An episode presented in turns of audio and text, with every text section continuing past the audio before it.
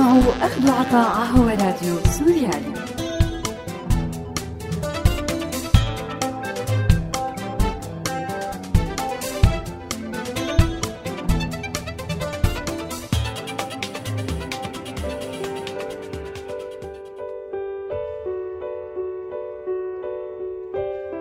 أعزائي المستمعين أهلا وسهلا فيكم برحب فيكم أنا مايا بحلقة جديدة من برنامج أخذ وعطا وبذكركم أنه هذا البرنامج بالتعاون مع مبادرة كلنا مواطنون.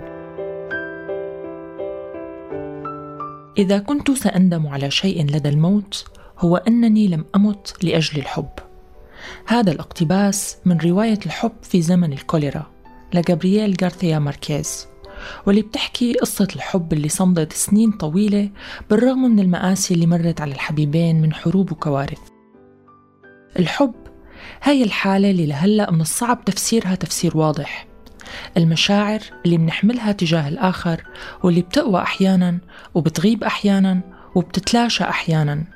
بتدفعنا أحيانا للارتباط والبحث عن الاستقرار مدى الحياة مع شريك واحد وبتدفعنا أحيانا لنتحدى العالم كله لنكون مع اللي منحبهم. وبتدفعنا لنعمل أشياء ممكن كتير نكون منخاف نعملها لأنه منخاف من التقاليد من علاقتنا بالمجتمع اللي حوالينا من المستقبل من الالتزامات والمسؤوليات الهائلة اللي بتترتب عليها الحياة المشتركة. العلاقات العاطفية الحب الارتباط والانفصال هي من أكثر الأمور مصيرية بحياة الناس. إذا ما كانت محرك أساسي بحياتهم وقراراتهم المتعلقة بالجوانب الثانية من حياتهم حتى. والتعامل مع هذا الجانب من حياتنا صعب وعميق وحساس كتير حتى بالظروف الطبيعية. بس يا ترى لما بتكون الظروف استثنائية وصعبة وخطيرة لما منكون عايشين بحالة حرب بمأساة مستمرة لما بيكون المستقبل مجهول تماما والحاضر بخوف كيف الناس بيحبوا؟ شو اللي بيأثر على قراراتهم بالارتباط أو الانفصال؟ هل الحرب أو الكوارث هي اختبار للحب اللي يفترض أنه يهزم كل الصعوبات ولا الحرب كفيلة بأنها تدمر أي علاقة ومشاعر بتجمع بين شخصين. حلقتنا اليوم عن الحب بزمن الحرب. خليكن معنا.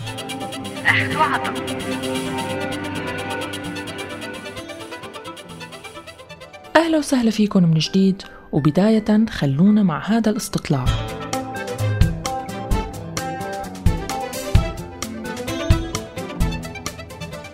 خلال الأحداث اللي مرت على سوريا بالسنوات الماضية ارتبطت مع شريك حياة أو فكيت ارتباطك وانفصلت. شو كان السبب بحال انفصلت؟ أنا قبل الأحداث كنت مرتبطة بشاب وبال 2010 تقريبا من 8 شهور نحن انفصلنا. السبب لأنه بعيد. يعني هو سافر وصار بألمانيا وأنا بقيت بسوريا. فكان هذا تخيل سبب من الأسباب اللي خلتنا ننفصل. هلا آه، أنا كنت مرتبطة آه، بس آه، انفصلت عن الشخص اللي كنت مرتبطة معه ببداية الأزمة. كان في شغلات صغيرة على الصعيد الشخصي إنه بيناتنا بس نحن الاثنين كنا من أديان مختلفة وهذا كان سبب رئيسي. هل بتعتبر إنه الأحداث والظروف المحيطة فيك واللي عم تمر فيها البلد والناس إلها علاقة بإعادة نظرك للارتباط والعلاقات العاطفية؟ فيك تشرح أكثر شو الرابط برأيك؟ طبعا إلها إلها علاقة كثير بإعادة نظري للارتباط والعلاقات العاطفية لأنه صرت بخاف أي ارتباط بأي علاقة جديدة إني أخسر الشخص من خلال إنه ممكن ينخطف ممكن يروح بتفجير بقنص ممكن ينطلب على الجيش فأنا صرت كثير عم بحسب لهذا الموضوع آه، ما بدي كرر مأساة العلاقة الماضية بإني أحب حدا ويسافر. حقيقة أكيد إنه الظرف الحالي إنه هو شيء مسيطر على العالم كله بشكل عام من ناحية الارتباط. يعني هلأ أنا ما فيني شوف حياتي من هون لسنة لقدام. يعني أنا ما بعرف إذا رح أبقى عايشة من هون لوقتها. أه، فكيف أنا بدي أتخيل إني عم أسس عائلة ف العالم هلأ مثل ما شايفين يعني في عالم في عالم عم تسافر عم تهاجر ولحد هلأ نحن ضايعين. عم تسمعوا اخذ عطاء على راديو سوريالي.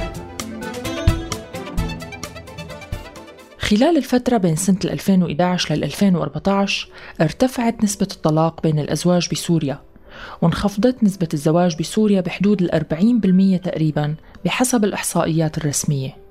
الطلاق والانفصال بالتراضي أو بالحكم ارتبطوا بأسباب كتيرة ما كانت موجودة قبل 2011 فقدان كتير من المعيلين لعملهم الخلاف بالآراء السياسية بين الموالاة والمعارضة الاختفاء القسري خاصة للذكور السفر والهجرة والصعوبات الاقتصادية اللي خلفت مشاكل اجتماعية ضمن العائلات إضافة للعنف الأسري المتزايد نتيجة الضغوط النفسية الكبيرة اللي عم يتعرضوا لها السوريين. كل هي الأسباب أدت لزيادة نسبة الطلاق بسوريا. بالمقابل وبعد ما كان في إحجام عن الزواج بأول سنتين من الأحداث بسوريا نتيجة الانتظار لمعرفة لوين رح تقول الأمور والخوف من المستقبل وعدم الشعور بالاستقرار لاتخاذ مثل هي الخطوة الكبيرة بعد سنة 2014 لوحظ أنه نسبة الزواج رجعت تحسنت مقارنة مع السنوات اللي قبلها ولو مو بشكل كتير كبير. وكتار من الشباب والمرتبطين عاطفيا المؤجلين لفكرة الزواج قرروا أنهم يتخذوا هي الخطوة رغم أنه الظروف ما تغيرت على الأقل ما تغيرت للأحسن. الشراكة بمواجهة صعوبات الحياة هي خيار لكتير من الناس مفضل على خيار مواجهة كل شيء عم نعيشه لوحدنا. الشريك بالنسبة لكتار منا بيعطي نوع من الإحساس بالأمان والاستقرار والدعم المعنوي. الثورة الحق والظلم والحرب والعنف والسلم. كلها مفاهيم اصطدمنا فيها بقوة خلال السنوات الخمسة الماضية. هي المفاهيم وخاصة عند المنخرطين بالنشاط الثوري كان من الصعب فصلها عن جوانب الحياة التانية كان من الصعب على كتار من السوريين أنهم يكملوا حياتهم مع شريك ماله مهتم بهي المفاهيم أو واقف على الطرف المناقض برأيه. هذا الشرخ اللي أصاب أفراد العائلة الوحدة أصاب الأزواج والخاطبين والمصاحبين. أحيانا كان الشرخ هاد بيوصل للانفصال وأحيانا كان سبب لتوتر كبير بالعلاقة ولخلافات ما كانت موجودة من قبل. الخلافات اللي مبنية على اختلاف مبدئي مثل هاد هي على الأغلب إلها جذور أقدم بالعلاقة لكن الظروف اللي عم يعيشوها السوريين هي اللي ساعدت على بروز هي الخلافات بشكل أوضح بين الناس لأنها عم تختبرهم بوضع كتير قاسي وحقيقي وما في مجال معه للمراوغة. بنفس الوقت كثير من العلاقات العاطفية اللي بلشت خلال الأحداث بسوريا بنت نفسها على التوافق على هي القيم والمفاهيم. الحب وكمان الصداقات بين أشخاص ممكن ما يكونوا في قواسم مشتركة بيناتهم بالحياة أو يكونوا من بيئات مختلفة بس صادف أنهم بيدعموا الثورة وبيدعموا الثورة بنفس الطريقة وبنفس الفكر. هدول الأشخاص ممكن يكونوا من طوائف مختلفة وبظروف تانية ممكن ما يكون في فرصة لعلاقة بيناتهم. لكن هي اللحظة التاريخية اللي عم يعيشوها هي اللي قربت بيناتهم وفجأة بيوقعوا بالحب قديش هي العلاقة مستمرة؟ قديش رح يكون عمرها؟ قديشها مرتبطة بالحالة اللي الناس عم يعيشوها أكثر من الارتباط بالخيار الحر للشريكين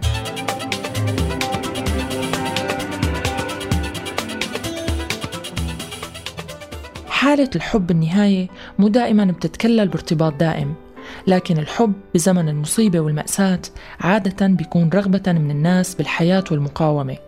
هذا الشعور القوي اللي منحسه تجاه الآخر هو اللي بيحسسنا بالسعادة بوقت الحزن فيه بيكون عم يغلف كل تفاصيل حياتنا والخسارة مستمرة. فاصل ومنرجع.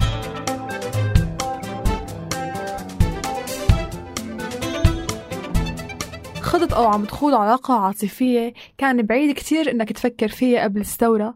مع شخص من غير دينك مثلا أو من غير بيئة. أو كان مستبعد ترتبط بهيك علاقة. وهل شجعتك حالة التغيير اللي عم تمر فيها البلد إنك تتجرأ وتقوم بهي الخطوة؟ هلا أنا علاقتي العاطفية أساسا كانت آه، مع شاب من غير دين ومن غير قومية يعني أنا عربية هو كان كردي فأنا بالأساس وهو من الأساس ما كان في عنا آه، مشكلة بهذا النوع من الارتباط. يعني ما كان ما كان هو عقبة بيناتنا بأنه نحن شو آه، بس الوضع والظرف هو كان أكبر سبب لحتى نترك. هلا بصراحة إنه أكيد يعني أنا بالوضع القائم هلا صار عندي الشجاعه الأكثر إني أنا أفكر بهيك خطوة. هلا من قبل أنا مستحيل كنت حتى أتجرأ إني أفكر يعني للأسف على صعيد مهني أو حياتي إنه ما في شيء بقى عم يشجعني أبقى أبقى هون بالبلد. آه، يمكن فكر أتخذ هيك خطوة إنه لأني عم فكر لقدام. يعني هون ما عم شوف في شيء واضح لبعدين.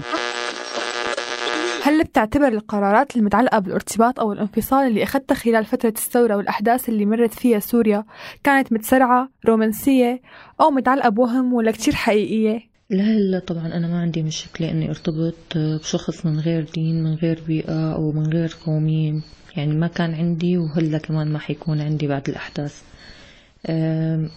ما يعني ما بحس إنه إنه أنا كنت متسرعة بشيء لأنه أساسا أنا ما بقيم الشخص. من غير من خلال هو شو هو من خلال شخصيته بس مو من خلال آه، هو شو دينه أو شو طائفته.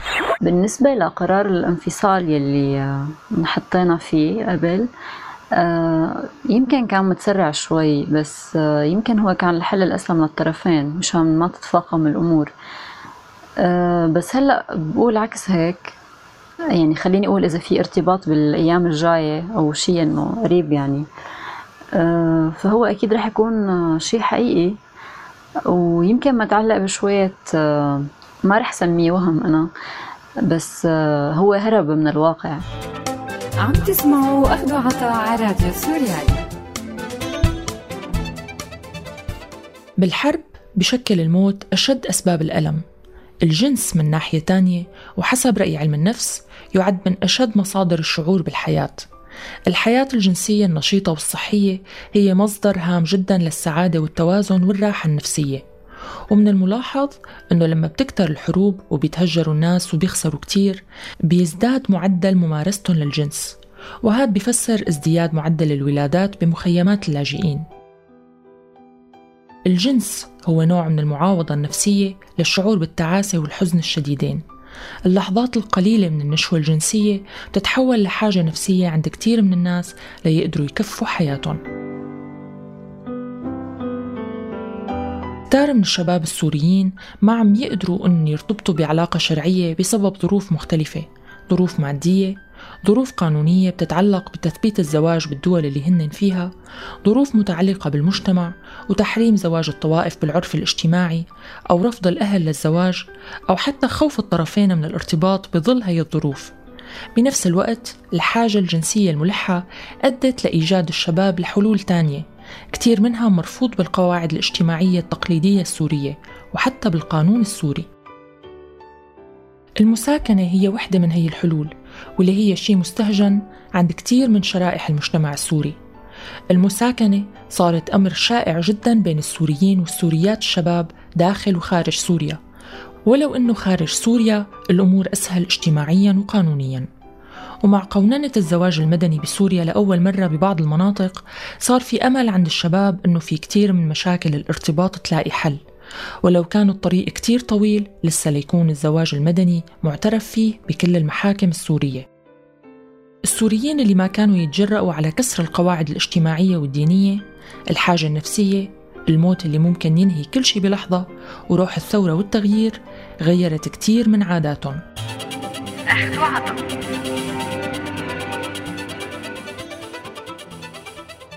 من الصعب أنه نحكم على العلاقات اللي نشأت بظل الظروف اللي مرت على البلد وعلينا بالسنوات الماضية. بعض العلاقات انتهى بالانفصال وبعضها توج بارتباط وبعضها مر بارتباط وانفصال وبعضها أدى لتكوين عيلة من أب وأم وأطفال. بأشد حالات اليأس الإنسان بضل عم يدور على الحب على شريك عاطفي وجنسي يكمله ويدعمه ويسانده ويحسسه بنوع من التوازن مقابل الجنون اللي عايشينه. ولما بيكون الموت بكل مكان بيكون الحب هو الشيء الوحيد اللي له معنى ليحسسنا بجدوى الحياة وإنه نحن مو عايشين عن عبث. يمكن نتمنى إذا متنا حدا يتذكرنا كيف كنا على حقيقتنا ويمكن منتمنى إنه يكون في سبب نعيش مشانه. وحتى لو كانت قصة الحب اللي عشناها حزينة فحتى الألم اللي منعيشه فيها ممكن يكون سبب لإحساسنا بالحياة.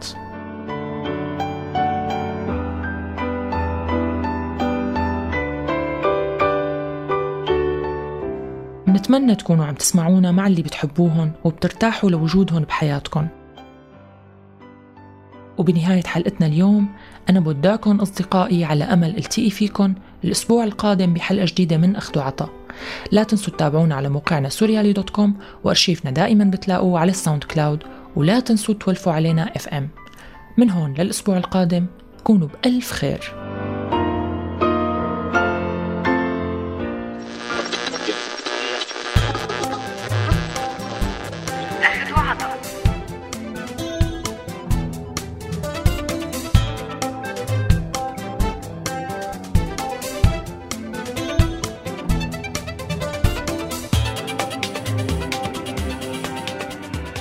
هذا البرنامج من إنتاج راديو سوريا ل 2015